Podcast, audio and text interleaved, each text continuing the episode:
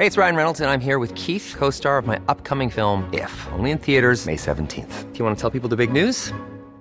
All right, I'll do. Sign up now and you'll get unlimited for $15 a month in six months of Paramount Plus Essential Plan on us. Mintmobile.com slash switch. Upfront payment of $45 equivalent to $15 per month. Unlimited over 40 gigabytes per month. Face lower speeds. Videos at 480p. Active Mint customers by 531.24 get six months of Paramount Plus Essential Plan. Auto renews after six months. Offer ends May 31st, 2024. Separate Paramount Plus registration required. Terms and conditions apply if rated PG. I'm Sandra, and I'm just the professional your small business was looking for. But you didn't hire me because you didn't use LinkedIn jobs. LinkedIn has professionals you can't find anywhere else, including those who aren't actively looking for a new job but might be open to the perfect role, like me. In a given month, over 70% of LinkedIn users don't visit other leading job sites. So if you're not looking on LinkedIn, you'll miss out on great candidates like Sandra. Start hiring professionals like a professional. Post your free job on linkedin.com/people today.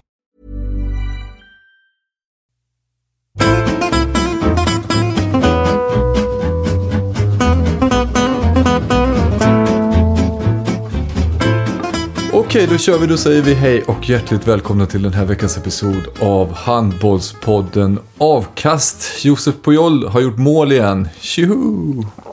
Charlie Sjöstrand dricker vin igen. Tjoho! Ja, jag dricker mer vin än vad Josef gör mål. Saker och ting är som de ska igen. Det glädjer ju en eh, sån eh, vanemänniska som mig va? Ja, du tänker att Hallby förlorar och... Eller vad Ja. menar du? Just det, Hallby förlorar åtminstone på herrsidan och det är ju bittert och tråkigt och sådär. Mm. Men damerna å andra sidan får man ju glädjas åt. Det hade någon för kanske fyra år sedan eller så sagt att det är mer sannolikt att eh, Hallbys damer kommer till slutspel än att herrarna gör det. Så hade eh, jag haft svårt att tro på det. Men nu ser det ju verkligen ut så. Det är eh, precis så jobbigt som det varit idag då, söndag när vi spelar in och titta på när eh, herrarna då fick stryk med, fan blev det ens till slut? 38 mål hade Ystad gjort när jag stängde av, då var det ju några minuter kvar. Så det, ja, Där det gjorde väl- några till. Ja. Mm.